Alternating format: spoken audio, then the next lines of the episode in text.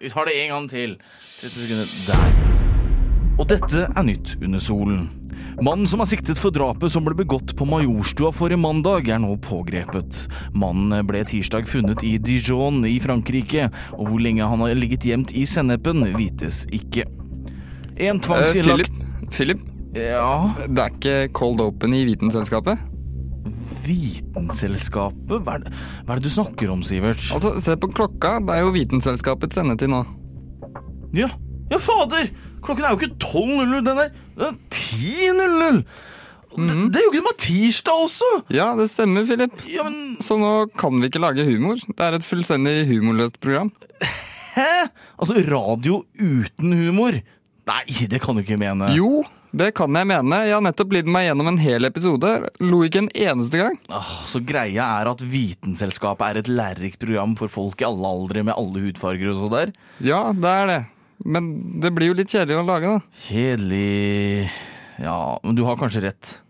Men hva om vi gjør det på vår måte? Ja, vi kan gjøre det på vår måte. Fantastisk! Ja, vet du hva? Jeg finner fram jingle-knappen. Å nei! Hvem la dette bananskallet her sånn at jeg landa rett på knappen? Vitenselskapet. T minus 10, 9, 8, 7, 6. We have main engine start. 4, 3, 2, 1, and liftoff. Vitenselskapet. Vitenselskapet på Radio Nova.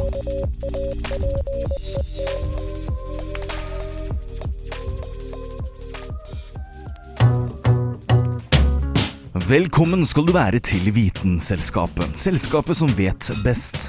Mitt navn er Philip Johannesborg, og den observante lytter vil med en gang kjenne en iling gå gjennom kroppen, en ubehagelig følelse i underlivet og et stort, sort hull som begynner å vokse innvendig i hodeskallen på deg. Det er nemlig det satiriske programmet Radiotjenesten som har kapret denne vitenselskapsskuta. De seilte fra Karibien og ankret opp i. Men vi håper jo at ingen vil høre noen forskjell. Vitenselskapet. Vitenselskapet på Radio Nova.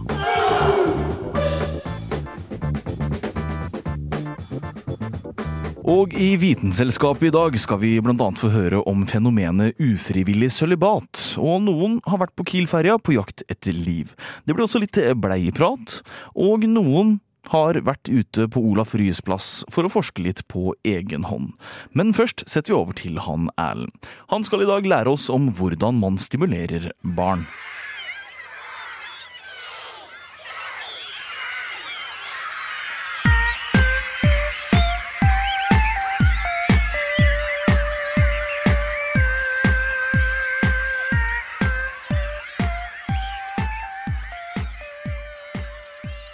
Yes, da tenkte jeg å ta opp et tema som har interessert meg veldig mye i det siste.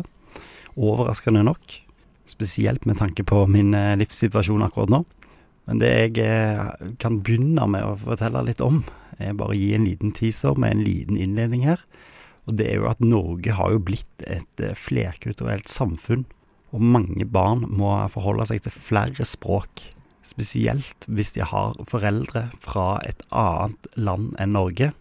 Så kan det være utfordrende for barna, siden da foreldrene da har kanskje da et annet morsmål. Det kan være både positive og negative sider med akkurat dette her, og det er akkurat dette området som jeg vil dykke lenger ned i. Og jeg gjentar, det handler om hvordan du kan da stimulere til å utvikle språket til barn, hvis de da har foreldre med et annet morsmål, kanskje bare én, eller både to foreldre med et annet morsmål enn norsk.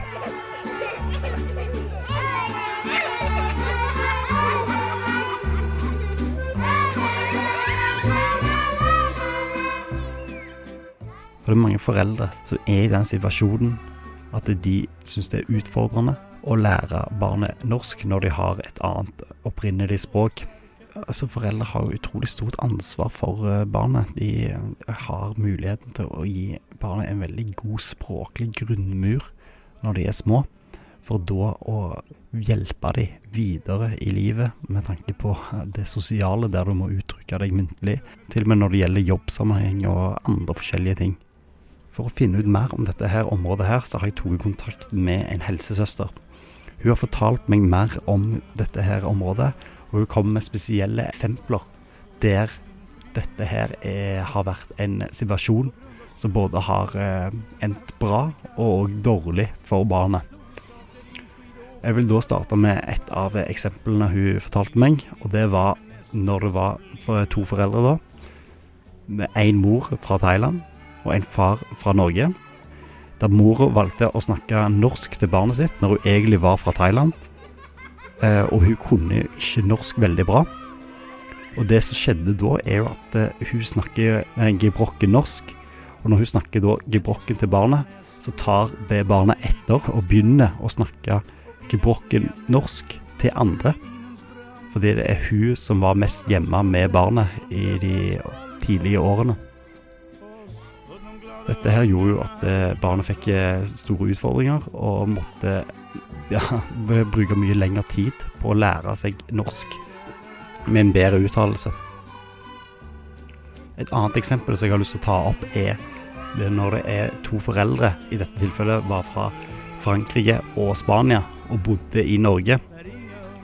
De forsto ikke hverandre når de snakket sitt eget morsmål, altså den franske mannen og den spanske moren. Det som skjedde da, var jo at de snakket engelsk med hverandre. Og de valgte òg å snakke engelsk til barnet. Og det gjør barnet kunne bli språkforvirra. Og greide liksom ikke å utvikle et eget språk sjøl. Personen greide jo, altså barnet greide jo å forstå hva foreldrene sa, men sleit med å uttrykke seg sjøl. Det foreldre skal gjøre i en sånn situasjon, som er veldig likt det andre eksempelet, er jo å snakke sitt eget morsmål. Altså, barnet vil da lære seg både fransk og spansk, og samtidig norsk gjennom venner og eh, barnehage. Dere tenker jo sikkert at det, må være veldig viktig eller nødvendig for barnet å komme seg tidlig i barnehage. Men hvis du har greid å lært deg eh, morsmålet til foreldrene bra, så trenger ikke det nødvendigvis å være en utfordring. Du kan vente til du ca. er to år gammel før du sender barnet ditt i barnehage. Og dette her vil ha veldig positive ringvirkninger på barnet, fordi at de vil da kunne lære seg tre språk. Samtidig vil de utvikle et veldig bra språkøre, som gjør at de kan ta til seg andre språk, som da engelsk eller et annet fremmedspråk som du da lærer på videregående. Og Det gjør det jo òg veldig mye lettere generelt for eh, foreldrene, der de da kan bare snakke det språket de faktisk kan best.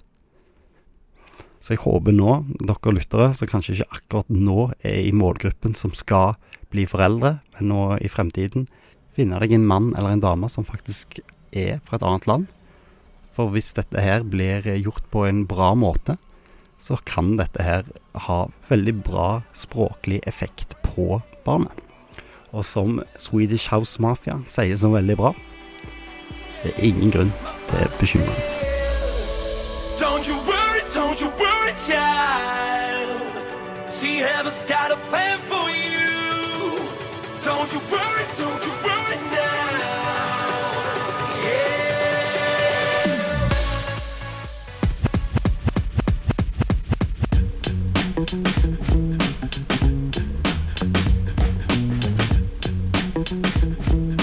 Vite nytt.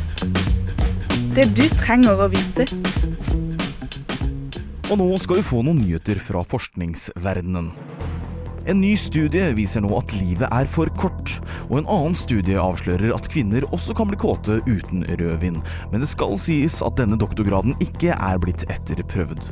En annen studie viser at livet kun er en lang nær døden-opplevelse, og en ny flott vaksine har nå ført til at Dagbladet må legges ned. Men det viser seg jo at det er fortsatt veldig, veldig mange ubesvarte spørsmål her i verden. Som for eksempel hvorfor er det så få som sender tilbake bowlingballer når det er så mange hull i dem? Og hvem vet om jorda bare er en annen planets helvete?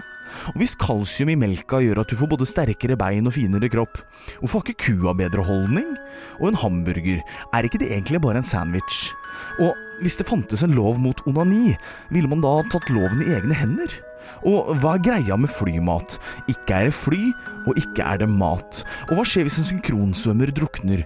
Vil da resten av synkronsvømmerne også drukne? Og hvor reklamerer egentlig alle markedsføringsfirmaene? Og hvis kjærlighet gjør deg blind, hva skal da kvinner med sexy undertøy? Og hvis Deli de Lucan på Torshov er døgnåpen hele året, hvorfor er det da lås på døra? Åh, og hvis en støvsuger suger, er den da bra eller dårlig? Hvorfor kommer pizzaen i firkantede bokser når den er rund? Og hvis et ord er feilstavet i ordboka, hvordan skal man da finne ut om ordet er feilstavet? Og hvis du kjører en bil i lysets hastighet, og så setter på frontlyktene, hva skjer da, liksom? Og, og, og hvorfor har Donald Duck alltid på seg et håndkle når han går ut av dusjen? Han er jo alltid naken! Åh, og hva kom egentlig først, var det høna, eller var det egget? Det er så mange spørsmål, så få svar. Likevel, jeg har forsket litt på hva som kom først. Jeg og daten min satte oss ned på en frokostkafé en dag, og hun bestilte seg eggerøre og bønner. Jeg derimot skulle ha svar på mitt spørsmål, så jeg bestilte både høne og egg. Ja, så fikk vi se hva som kom først, da. Men dessverre så hadde jeg ikke mer høne igjen, så jeg fikk aldri svaret på den. Men nyere forskning gjort av meg selv viser faktisk at samtlige mennesker i verden er drittsekker. For eksempel her om, her om dagen. Da gikk jeg ned gata på Torshov, som jeg pleier å gjøre. Forbi meg gikk det en stor gruppe mennesker. Så jeg snudde meg og ropte etter dem. Hei du, din drittsekk! Og så snudde alle seg, gitt. Så der, der lærte dere noe i dag også. Din drittsekk. Jo, nå skal du høre. Det som er så spennende med den lille krabaten her Og så stikker den sugesnabelen i deg, og så surper han ned fra boka. Flash, flash, flash. Blim, blim, blim, blim, blim, blim, blim. Jeg heter Petter Bøckmann, og jeg er zoolog. Ta-da! Og da var det på tide å sette over til Vera. Radio Nova går i lufta! I 2014 tok den 22 år gamle Elliot Roger livet av seks mennesker utenfor campset av University of California i Los Angeles. Roger hadde utallige YouTube-videoer og et manifest som beskrev hans motivasjoner til å utføre denne makabre handlingen. Hans motivasjon ifølge disse var nemlig hans mangel på evne til å anskaffe seg kjæreste og sex fra det kvinnelige kjønn. Roger var ifølge sin egen definisjon en incel. Et aktivt medlem av incel-forumene på bl.a. 4chan, Reddit og nettsiden insal.me. I dag skal jeg, Vera Kaufmann Brunstad, undersøke hva det er som får mennesker til å søke ly i slike forumer som støtter incel-kulturen. Hvordan kan et internettsamfunn utvikle seg til noe som potensielt kan ta liv? Og er selvforjakta kvinne at noen skal kokes ned til poster som nesten kan virke ironiske, i den forstand at noen av de mest kontroversielle postene blant disse annet har lyst til å frata kvinner stemmeretten og, og bruke barn som sexslaver? Er dette bare pga. at disse mennene ikke greier å finne en kvinne de kan putte tissen sin i? Dette er spørsmålet jeg stiller meg selv når jeg scroller nedover utallige poster på Reddit i håp om å finne svar på hvordan incel-samfunnet har fått en såpass stor ringvirkning på internettet. Jeg, Vera Kaufmann Brunstad, skal i denne reportasjen ta for meg begrepet incel, og hvorfor menn der ute velger å identifisere seg som dette fra et sosiologisk perspektiv. Begrepet incel, eller ufrivillig sølibat, beskriver menn som mener at deres mangel på sexliv kommer av en utenforstående faktor. Denne subkulturen befinner seg hovedsakelig på internettet i former slik som Reddit, 4chan, incel.me og mange andre nettformer som støtter ytringsfrihet. Jeg har denne gangen valgt å diskutere hvorvidt dette fenomenet har greid å tære seg inn i internettsamfunnet vårt i dag. Selv om begrepet har fått en anerkjennelse først i løpet av de siste par årene, er ikke incel-fenomenet noe nytt. Derimot har det eksistert i nettets dyp siden 2008. Og kvinnehatet som ligger bak denne gruppen, har eksistert mm, Vel, siden menn fant ut at kvinner også hadde følelser og meninger og sånn. Tidligere denne uken har jeg dykket dypt inn i Reddit sitt mørke, spesifikt på den norske siden av Reddit, for å finne svar på om incel-samfunnet eksisterte i verdens beste land. Jeg kom i kontakt med en selverklært incel som helst ville holde seg anonym via en tekstsamtale på forumet. Dette er det han sa. Tja, det, det er jo komplisert det også. På et vis er jeg jo interessert, fordi jeg også kan se hvor latterlig gale ting som kommer ut av det miljøet jeg er med i selv, er. Og sånne ting eh, interesserer meg. Av samme grunn som at det er morsomt å se på Flat Earthers av og til. Men på en annen side så ser jeg jo for meg selv i en del av tankene som eh, går igjennom der, da. Jeg kjenner meg veldig igjen i en del retorikken de bruker angående kvinner og måten jeg har blitt behandlet på av kvinner. Etter det jeg fikk med meg i samtalen, har jeg sett og hørt at det er en viss interesse for den tankegangen blant flere menn der ute. Interesse, nettopp. Den anonyme interessen for samfunnet med en viss distanse ligger for det meste over mørkets dyp når det kommer til incellene. De færreste ender opp som den selverklærte amerikanske incelen og massemorderen Elliot Roger, men det finnes fortsatt et visst hat blant disse menneskene. Et hat som ligger bak det når folk på VG det å forsvare Trond Giske for å ha gjort fæle handlinger som går utover kvinner og menn og folk der ute generelt. Tankegangen som ligger bak det når folk støtter Weinstein og sier at de fortsatt liker å se på filmer til Johnny Depp selv om han er en kvinnemishandler. Det er et tankesett som ikke veldig lett forsvinner. Fordi tross alt så er det så dypt integrert i samfunnet vårt at menn skal hate kvinner. At menn skal ville putte tissen sin i vaginaen til kvinner. Og at kvinner skal åpne vaginaen sin for de tissene. Samme hvorvidt de vil det eller ikke. Det ligger i samfunnet vårt. Og incellene sitt opptog i nyere tid har vist at den tankegangen kanskje ikke er så ekstrem eller så distansert fra vår hverdag som det vi egentlig trodde den skulle være. Er det noe mer til incel-samfunnet? Har vi nådd et punkt der vi må bruke en subkultur for å vise poenget, og at det finnes diskriminering av kvinner ute, og det finnes menn som hater kvinner så sterkt at de vil identifisere seg som det hatet? Jeg heter Vera Brunstad, og dette har vært innslaget mitt om incels. Jeg har ennå ikke funnet noe svar på spørsmålene mine, selv etter mine mange dykk på både Reddit og 4chan. Men jeg håper på at min leting skal ha lært meg noe om vårt samfunn, og at det også hjelper deg å se verden fra et nytt perspektiv. Det var det. Vi setter over til Mariells bleieprat. Hei og velkommen til Tissvas! Her i dag skal vi snakke mye om tiss, men også en god del visvas. Mitt navn er Mariell Føynum, og jeg befinner meg nå på Sofienbergsenteret, som er et sykehjem som ligger øverst på Rodeløkka. Klokka er nå litt over ett, og de fleste beboerne her på avdelingen ligger nå og sover. Det jeg tenkte å adressere i dag, er temaet hva du ikke visste om bleier. Og med det tenkte jeg å gjennomføre et lite eksperiment for å teste ut i praksis spørsmålet hvor mye urin holder egentlig en bleie? Jeg har selv hørt etter årevis som ansatt i helsesektor at en lilla bleie skal kunne holde opptil to liter med væske. Så for meg så blir dette veldig interessant i dag å se om det faktum faktisk holder vann. Bokstavelig talt. Og for dere som ikke vet så mye om voksenbleier, så skal jeg gledelig informere dere litt om dette. På sykehjem så har vi variabler av bleietyper. Og de ulike bleiene brukes til pasienter med ulikt behov og inkontinens, men også til ulike tider av døgnet. Av de vanligste bleiene har vi Flex, bedre kjent som beltebleier, og som kanskje de fleste har hatt et forhold til eller kjenner til fra før.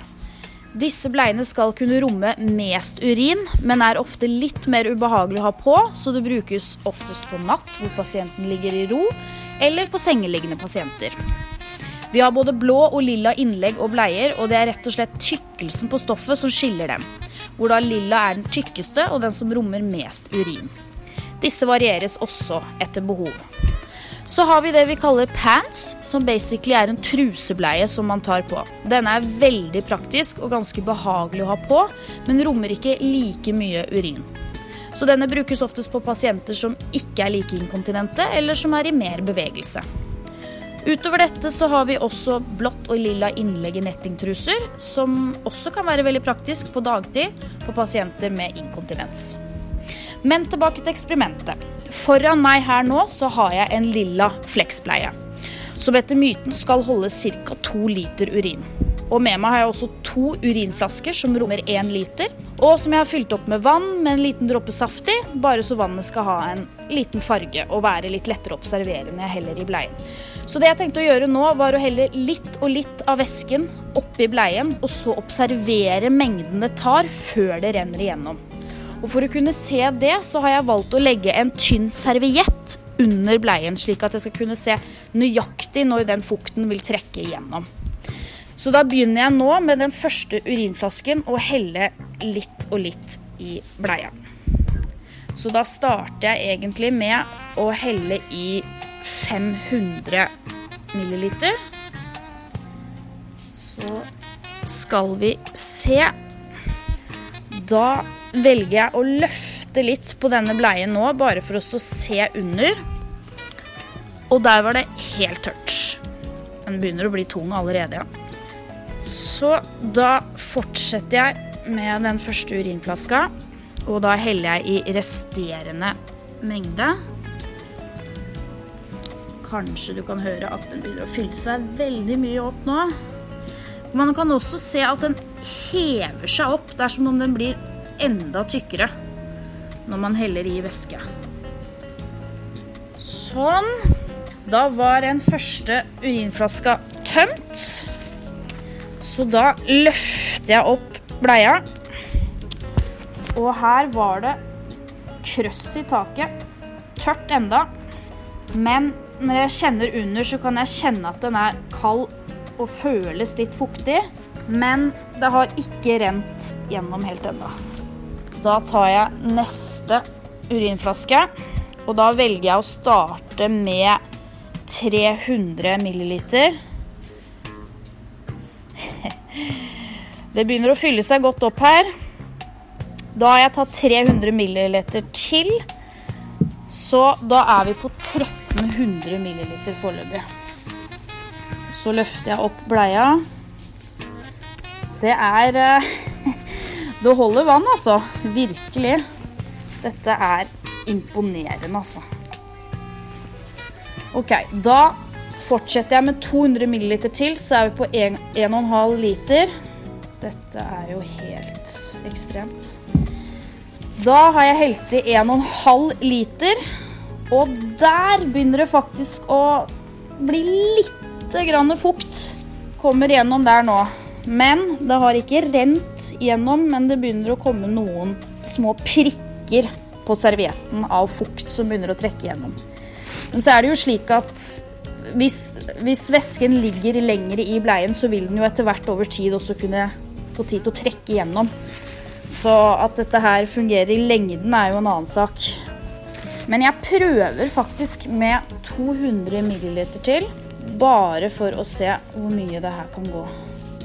Da har jeg allerede brukt 600 milliliter på den ene flaska. Og så løfter jeg opp. Oi! Der rant det på siden, så det teller ikke. Det var rett og slett lekkasje fra min side. Men nå kan jeg se at det begynner å skje noen endringer her. Da heller jeg oppi litt til. Nå begynner den bleia her å veie tonn, altså. Oi. Nå ser det ut til at det begynner å For det som er at det innholdet i bleia hever seg opp, så det vil automatisk etter en viss mengde begynne å lekke fra sidene.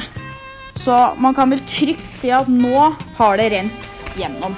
Enkelt og greit. Og nå har jeg brukt nøyaktig 1700 milliliter over 1,5 liter væske. Da kan jeg trygt konkludere med at dette eksperimentet har vist at en lilla flekspleie har holdt litt over 1,5 liter væske. Det er ikke like mye som to liter, men heller ikke så veldig langt unna. Så husk gjerne dette til neste gang. Og i mellomtiden uriner i vei. Takk for meg.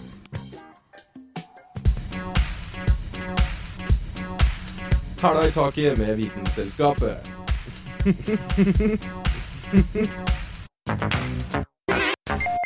Ja, velkommen til deg, Sivert. Hva er det du har med til Vitenselskapet denne uken? Jo, jeg tenkte at eh, naturfag er jo den beste vitenskapen, så jeg, fant fram en hypotese jeg hadde fra ungdomsskolen. Fra ungdomsskolen, ja, det må Fra jeg si. ungdomsskolen. Den sier eh, at eh, mennesker oppleves mer maskuline jo mindre overleppa deres er. Altså, Du mener at maskuline mennesker har liten overleppe? Ja, så jeg uh, satte meg ut blant folk eh, med en mikrofon og testa dette. Uh, det bør jo nevnes at jeg begynte å måle maskulinitet i hvor enkelt jeg kunne banke dem. Ok, Så det begynte med hvor enkelt du kunne banke dem? På en skala, da, eller? Uh... Ja, en skala fra 1 til 10. Jeg tok dessverre også overleppestørrelsen på en skala mellom 1 og 10, og det er, det er altfor stort. Det er altfor stort, ja. Fordi man har jo ikke veldig store overlepper. Nei, ikke ti forskjellige størrelser i hvert fall. Nei, Nei, jeg gleder meg til å høre. Vi kjører eh, en klippe. fra Parken. Er det Olaf Ryes plass jeg hører? Jepp. Det er Olaf Ryes plass. Vi kjører i gang. Siverts innslag til Vitenselskapet. Yes, da sitter jeg midt i uh, parken i Olaf Ryes plass. Her er det nok folk, men ikke for mange. Tabellen er klar, og her kommer først. Skal vi se. Overløpet fire av ti. Han var ikke kjempemaskulin. Jeg tror jeg kunne tatt han seks, da. Jeg ser, jeg ser at han klarer å åpne et sy- sy- syltetøyglass. Jeg håper ikke Man hører hvor pinlig jeg syns det er. Nå er det jo ingen rundt her. Nå kommer det én maskulinitet. Setter vi sju, fem på forrige, sju overleppestørrelse. Skal vi se. Ja, mye, mye part som skjuler mye overløpet. Da sjuer på den. Altså. Så kom det en og så at jeg prata i mikrofonen mens jeg studerte den. Han har veldig liten overleppe. Toer i overleppet, og han var så skummel at jeg ikke ville si noe. Setter en åtte på han. Da har jeg tre. Så skal vi si ti folk, da. Endelig en dame med liten overleppe. Treer i overleppe. En del maskulin. En sekser. Mann er ikke noe overleppe. Overleppe null. Jeg hadde jo banka den, men det er bare pga. alder. Hadde den vært på min alder, så hadde den jo tatt meg lett. Åtte. Null åtte. Det som er her, er jo at alle flokker seg sammen og kommer samtidig, så jeg får bare én av ti hver gang det går noen forbi. Nå har trikken nettopp stoppa, så nå kommer det et par folk. Skal vi se, en litt eldre dame. Nei, hun er eh, sånn erkefeminist. Sekser i maskulinitet fordi hun er erkefeminist, og en ener i overløpet, faktisk. Hun der er ganske liten overløpet. Toer i overløpet. Går med barnevogn. Er nok ganske opptatt av å ikke virke sånn skikkelig rosa blogger, i hvert fall. Femmer. Hvor mange har jeg nå? En, to, tre, fire, fem, seks, sju. Da trenger jeg bare tre. Oi, hun kommer til å høre hva jeg sier. Da bare studerer jeg, og så holder jeg kjeft litt.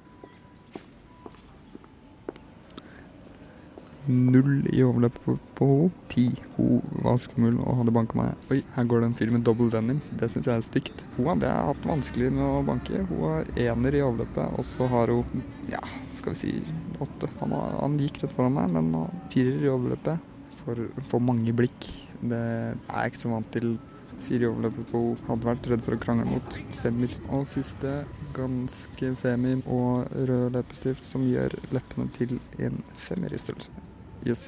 Sånn, ja, da har vi hørt dette eksperimentet, og hva er konklusjonen da, Sivert? du lurer på. Konklusjonen må bli at det er ganske feil.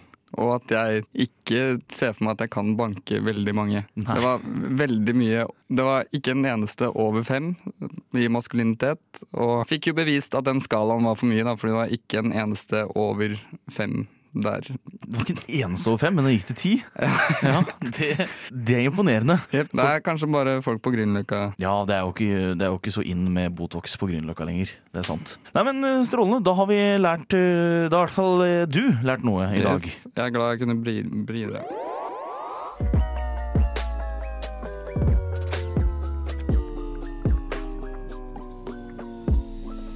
Vitenselskapet. Og med det er denne Vitenselskapet-sendingen over for denne gang. Viten er gøy, viten er moro, og hvem vet? Ikke vi. Og vi i dette tilfellet, ja, det har vært Erlend Heskestad, Sivert Kristiansen, Mariell Føynum, Vera Kaufmann Brunstad. Mitt navn er fortsatt Philip Johannesborg, og dette var en halvtime som du aldri får tilbake igjen.